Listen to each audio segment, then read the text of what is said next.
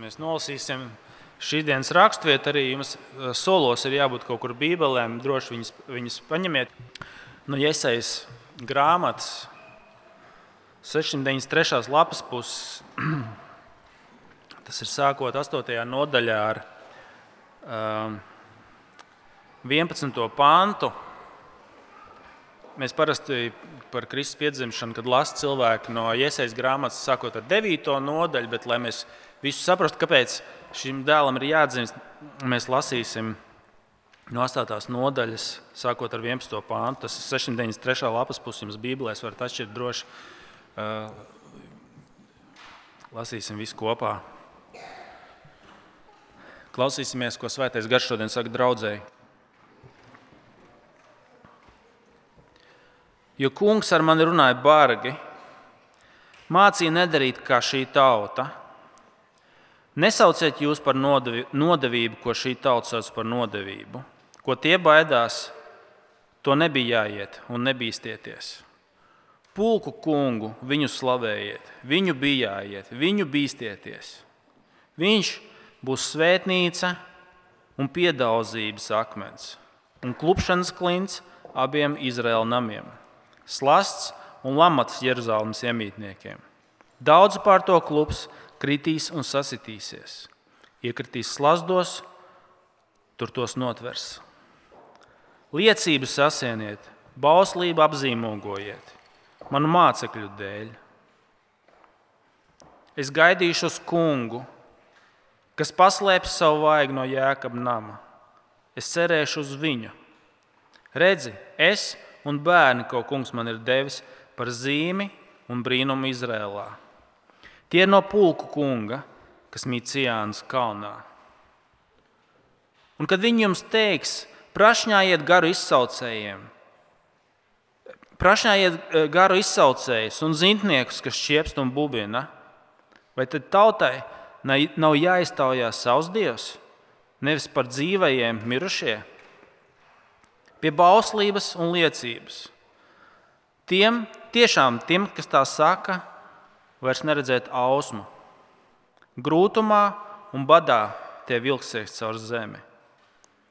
Kad badā bijuši, tā noskatīsies, ka lādēs savu ķēniņu un savu dievu un griezīs ģīmijas uz augšu. Un zemi tie raudzīsies. Redzi, nelaime, tumsa, tumsība, spaidi, un tie tumšumā ietriekti. Bet tiem, kas tagad apspiesti, vairs tumsības nebūs.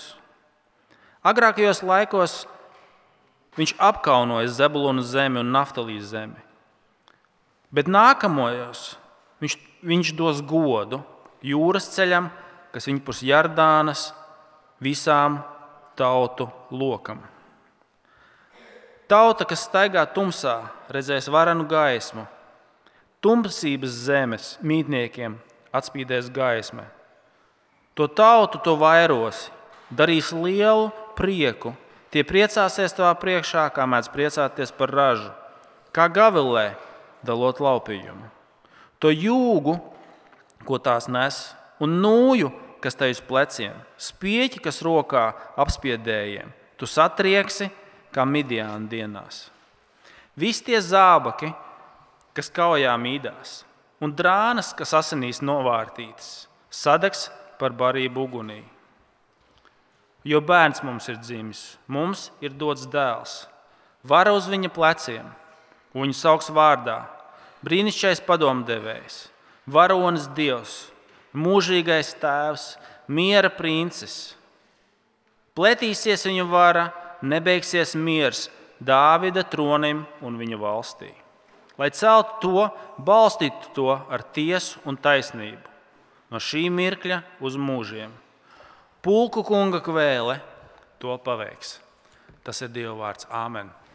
Aizlūksim, pirms mēs ieklausāmies šajos vārdos, ko mēs tikko lasījām, dzirdējām, lai Dievs, Dievs arī uz mums runā. Lūksim Dievu. Liecību sasieniet, bauslību apzīmogājiet man mācekļu dēļ. Kungs, mēs pateicamies par Tavu liecību, par Tavu vārdu, kas ir mums dots kā gaisma tumsā. Un arī tiešām šajā pasaulē un mūsu dzīvēs, un bieži vien to tumsu, ko arī mēs piedzīvojam, nākam lūdzu. Nāc, lūdzu, kungs, un izgaismo caur savu vārdu un caur savu dēlu. Tēvs, mēs to lūdzam tagad, Jēzus nopelnu dēļ, un palīdz arī man tavu vārdu uzticīgi, vienkārši un saprotami izskaidrot, neko nepieliekot, neko neatņemot. Tiešām, lai mēs dzirdam tavu balstu, Tēvs, Jēzus vārdā mēs to lūdzam. Āmen. Viena lieta, ko mēs redzam Ziemassvētkos, arī šeit, ja mēs paskatāmies visapkārt, mēs Ziemassvētkos gribam daudz gaismas. Mēs izvelkam sveces, mēs sakarinām gaismas virtenes, mums gribās daudz gaismas. Un ievērojot šī raksturvieta tieši par to, par gaismu tumsā. Šajā tumšajā laikā mēs sakām, mums ir vajadzīga gaisma. Un šī raksturvieta ir tieši par to, redzēt, 9. nodaļas, 1. pantā. Tauta, kas staigāja tumsā, redzēs varanu gaismu, tumsības zemes mītniekiem atspīdēs gaisma. Ar Kristus piedzimšanu šajā tumšajā pasaulē ienāk gaisma. Un pirmkārt, lai mēs saprastu, kas ir šī tumsa, kāpēc mums ir vajadzīga Kristus gaisma, kāpēc Kristus ir tā gaisma, kas ienāk pasaulē un iespīd, mums no sākuma jāsaprot, kāda ir šīs pasaules diagnoze. Jo runa ir par vairāk kā vienkārši tādu gada laika tumsu. Šeit nav runa tikai par tādu astronomisku garāko nakti. Šī rakstiet mums diezgan precīzi diagnosticē, kādā stāvoklī ir pasaule toreiz, 700 gadus atpakaļ, kad šī raksturvieta tika rakstīta un kāda viņa ir šodien. Viņa diagnosticē tumsu, kurā mēs atrodamies. Kāpēc mums ir vajadzīga Kristus gaisma? Pirmkārt, paskatieties, eh, kā, kā Jēzeja 700 gadus pirms Kristus dzimšanas, kā viņš diagnosticē, kādu viņš precīzi diagnozi dod šai pasaulē. Tas ir sākot 8. nodaļas. Um, Sākot ar 11. pāntu. Jo kungs ar mani runāja bargi, mācīja nedarīt kā šī tauta Nesauciet jūs par nodevību to, ko šī tauta sauc par nodevību, ko tie baidās. To nebi, nebijājiet un nebīsties. Un otrkārt, tālāk, sākot ar 21. pantu, pat 8. nodaļā. Grūtumā un badā tie vilksies caur zemi. Kad badā bijuši, tā noskatīsies, ka lādēs savu ķēniņu, savu dievu un griezīs ģīmju uz augšu. Uz zemi tie raudzīsies, redz nelaime, tumsa, tumsības spaidi, un tie tumšumā ietriekti. Vai tas nav kaut kas līdzīgs, kā mēs pēdējos, varbūt īpaši pēdējos divus, trīs gadus esam izjutuši pasauli, kā mēs esam izjutuši dzīvi? Es domāju, šie pēdējie gadi īpaši varbūt nav bijuši viegli. Pareizi. Mēs skatāmies uz šo pasauli. Ekonomikas pārkaršana, militāri draudi. Ievērojot, te viņš saka, um, 12. pantā, nesauciet jūs par nodevību to, ko šī tauta sauc par nodevību. Apkārt nodevība. Eiropas parlamentā katrs uh, korupcijas skandāls Re, resursu cenas pieaug, mums visiem rēķini kļūst lielāki, tie, kas gāzi tirgo peļņa, peļņa, peļņa mums samazinās, viņiem pieaug. Jā, nodevība, nodevība, nodevība visapkārt. Šī diagnoze ir diezgan precīza par pasauli. Un, un kāpēc tas ir svarīgi? Ziniet, kā jums nav nekad bijis tā, ka jūs, jums jāiet kaut kur pie ārsta, un tas, kas jums ir vajadzīgs, mūsu vidū daži mediķi sēž ļoti svarīgi ir precīza diagnoze. Lai varētu kaut ko sākt ārstēt, ir ļoti svarīgi uzstādīt pareizu diagnozi. Un bieži vien cilvēki to nespēja. Ja? Man ir bijis tāda situācija, ka es gadiem mēs nevaram saprast, kas, kas, kas pie vainas. Un mēs no otras puses ļoti vērtējam. Jā, ka jūs esat ej pie tā doktora, viņš zina, ko viņš dara. Cilvēks, kas precīzi māca uzstādīt diagnozi. Vai atcerieties, tad, kad 8. gadā bija eh, finanšu krīze, pēkšņi pēc tam viss sāka ieklausīties tajos cilvēkos, kas pirms tam, jau pirms tā 8. gada, diezgan precīzi bija pateikuši, kas notiks. Ja? Atcerieties, Nasēns Talības, un, un tad bija filma Big Short par, par vīriem, kas precīzi saprata, kur tas notiek, doktors Berijs un citi. Ja? Mēs gribam, lai mums precīzi diagnosticētu situāciju. Un šīs pasaules diagnoze, kas šeit ir aprakstīta, ir ļoti precīza par pasauli. 700 gadus atpakaļ un tagad. Tāpēc arī mēs gribam izvilkt tās gaismiņas. Man bērni prasa, tēti, kāpēc, kāpēc mums gaisma māja nav izgaismota? Tāpēc, ka tētim slinkums, bet mēs gribam.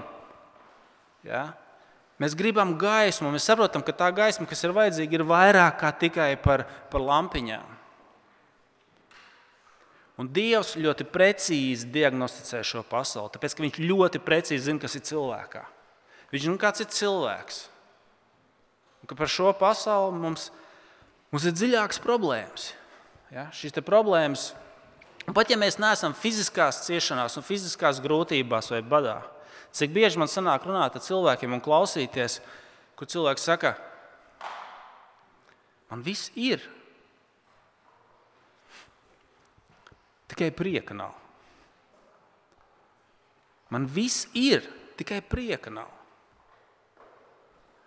Un tas, ko, un tas, ko šeit iesai mums saka, un ko, ko, ko kungs mums saka, apsieties, viņš saka 11. pantā. Uh, kungs ar mani runāja bargi un mācīja nedarīt kā šī tauta. Viņš saka, ir, ir cita alternatīva. Ir cita alternatīva. Diagnoze ir tumša par šo pasauli. Un tāpēc tas tik ļoti vērtīgi, ka Dievs ienāk ar savu gaismu, kad mēs apkārt skatāmies un mums varbūt cilvēciski mēs neredzam atbildi. Tas, tas pulss, ja, mēs, ja mēs nomēram, kā cilvēki jūtas šajā laikā, Ir trauksme, ir bailes, ir nemieris. Bet tad šajā reālajā diagnozē nāk Dieva apsolījums. Dieva apsolījums, ka caur viņa dēlu ienāk mūsu dzīvē gaisma.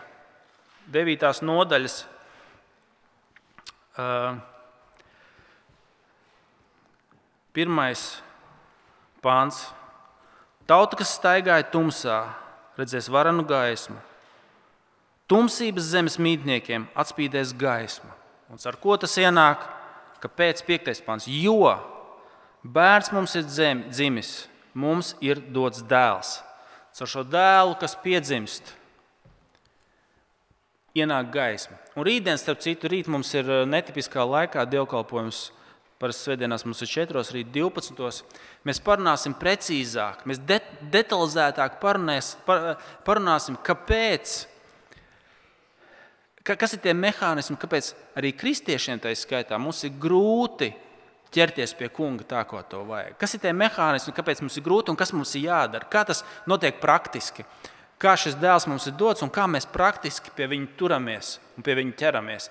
No šīs pašas raksturības mēs paturpināsim rītdien nu, kā, kāds tiek darīts, kāda ir tā mehānika. Bet šodien tikai to, ka šī gaisma ienāk mūsu dzīvēm caur dēlu.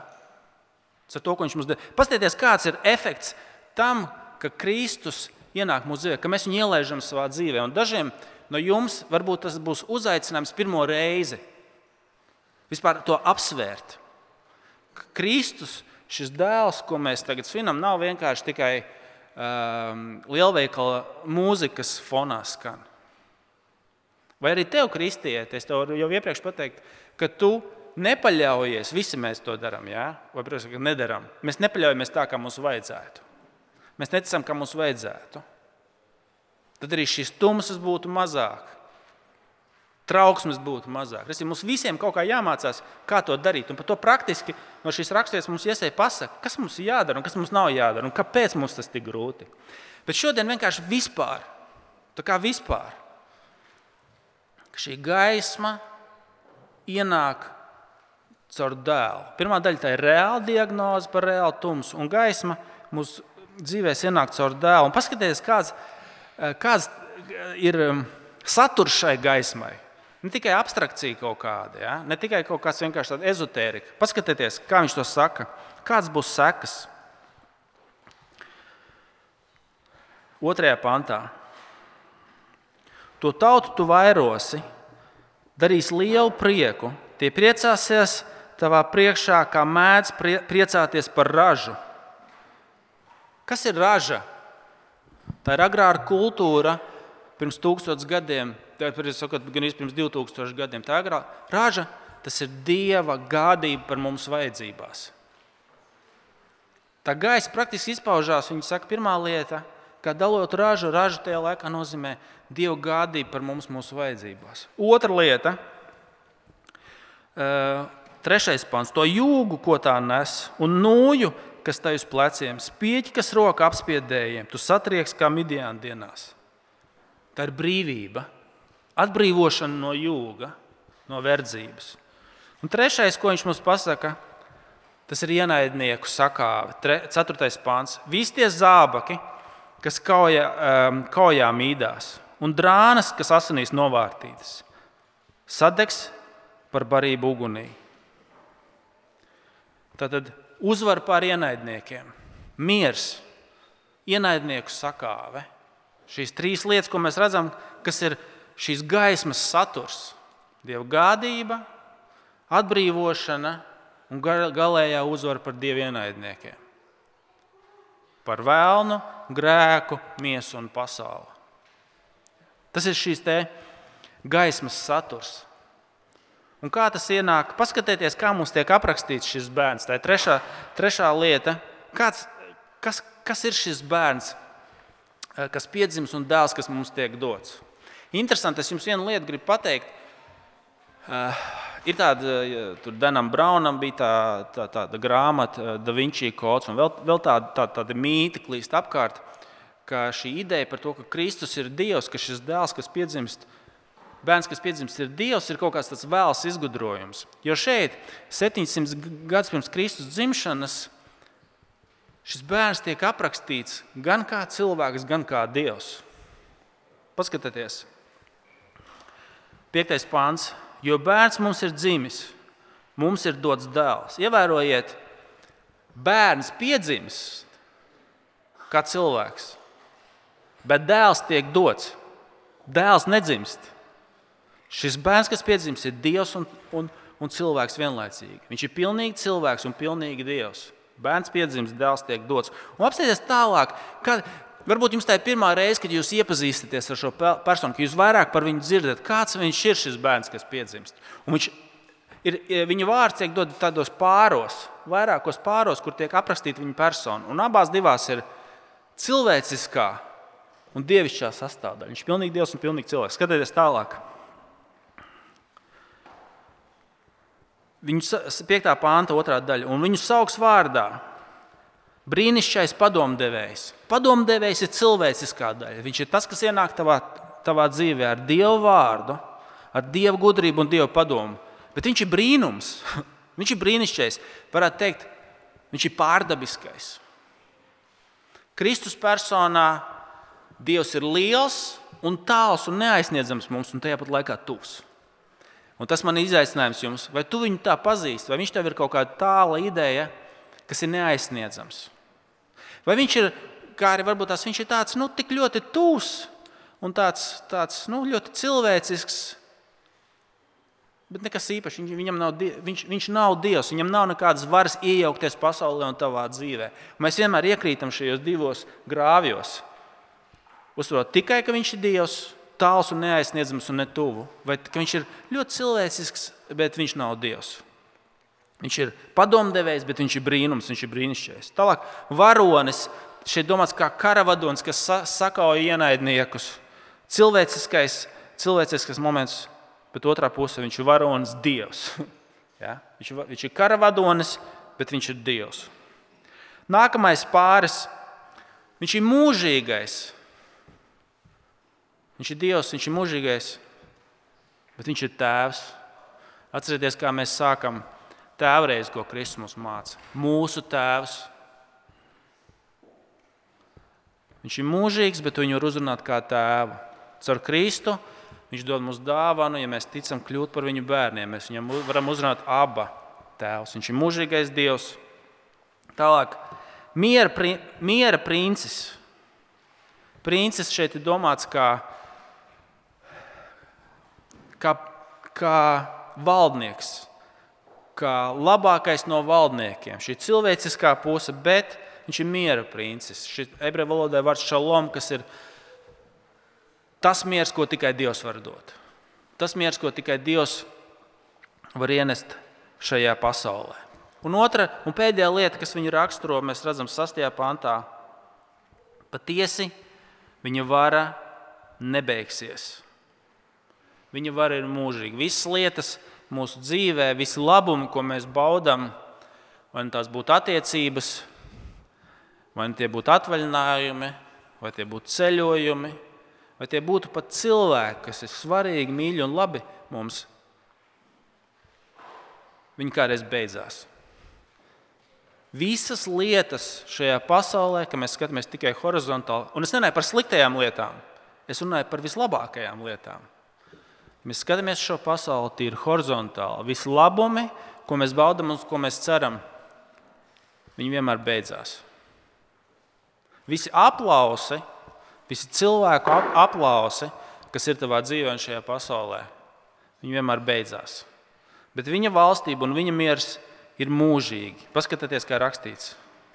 Pletīsies viņa vara, nebeigsies miers, Dāvida tronim un viņa valstī lai celtu to, balstītu to ar tiesu un taisnību no šī mirkļa uz mūžiem. Ja mēs sakām, ka pasaulē ir daudz tumsas, patiešām reāls, ir dažreiz kristiešiem pārmet, ka uh, tie var būt nereālistiski, skatās uz pasauli rozā brillēm. Tie cilvēki, kuriem nav drosmes paskatīties pasaulē acīs. Šī raksturvieta mums sāk ar realistisku, īstu diagnozi par pasauli. Jā, ir daudz tums, ir daudz baiļu, daudz trauksmes. Bet caur, caur Kristu mūsu dzīvē ienāk un var ienākt. No rīta mēs paskatīsimies, ko mums darīt, kā, ko, ko mums šī raksturvieta māca, kas mums jādara, lai tas reāli funkcionētu mūsu dzīvē. Mums visiem tas kaut kur līdz galam nav aizsniedzams. Ja? Rīt mēs paskatīsimies detaļās, ko mums iesēja liek darīt. Bet caur dēlu ienāk Dieva gādība, Dieva atbrīvošana un Dieva uzvara par ienaidnieku pavisam reālā veidā. Jo viņš ir gan Dievs, pilnībā Dievs un pilnībā cilvēks. Un viņa valstība un viņa viers ir mūžība. Es šodien jūs uzaicinu, citiem jums tas būs vienkārši atgādinājums, citiem tas būs jāatcerās. Klaivs Luis, kas sarakstīja Nārnijas kronikas, Varbūt jūs paši esat redzējuši, vai bērniem esat rādījuši filmu vai grā, lasījuši grāmatas. Viņš teica, ka mums pārsvarā nevajag mācīties kaut ko jaunu, mums vajag pašai atgādināt. Pārsvarā tas, kas mums ir vajadzīgs, ir atgādināšana. Un citiem no jums, kas to zina, šīs lietas, tas ir jāsņem kā atgādinājums. Mēs varbūt esam pārāk sakoncentrējušies un tā, tā tuvāk mums pienākusi trauksme, bailes, neziņa, uztraukums. Un atcerieties, Iesais saka, ko mēs šodien tikko lasījām, nedarīt kā šī tauta un nebaidīties kā šī tauta. Ja? Nepakļauties tam, bet atcerēties un ielaist dēlu savā dzīvē. Ar to reālo gaismu, reālo gādību, reālo atbrīvošanu un reālo uzvaru, ko viņš dod. Šodien tas ir citiem atgādinājums, un citiem varbūt tas pirmo reizi uzaicinājums vispār būt atvērtam šai idejai. Varbūt tavā gadījumā tas nozīmē paskatīties vēlreiz, atnākt, atnākt rīt un paklausīties, ko nozīmē, kāds darbojas praktiski mūsu dzīvē. To mēs rīt turpināsim, ja kungs vēlēs. Ja ne, ja ne, teikt, rīt par to runāsim. Šodien noslēgsim tagad ar lūgšanu, un vēl mēs dziedāsim un, un, un arī pateiksimies, pateiksimies kungam. Tēvs,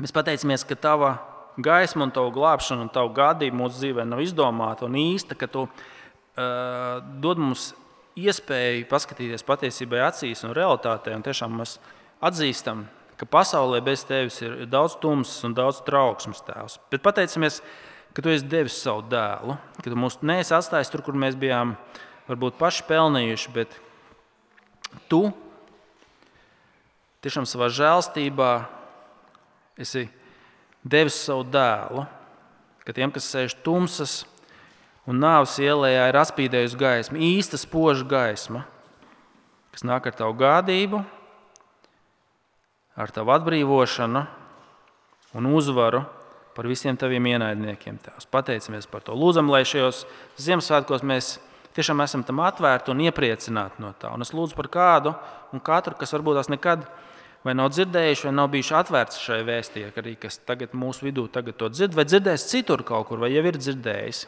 Tās, lai tavu gaismu iespīd caur tavu dēlu, caur tavu dēlu mūsu dzīvēm. Kungs, pateicamies to Jēzus vārdā.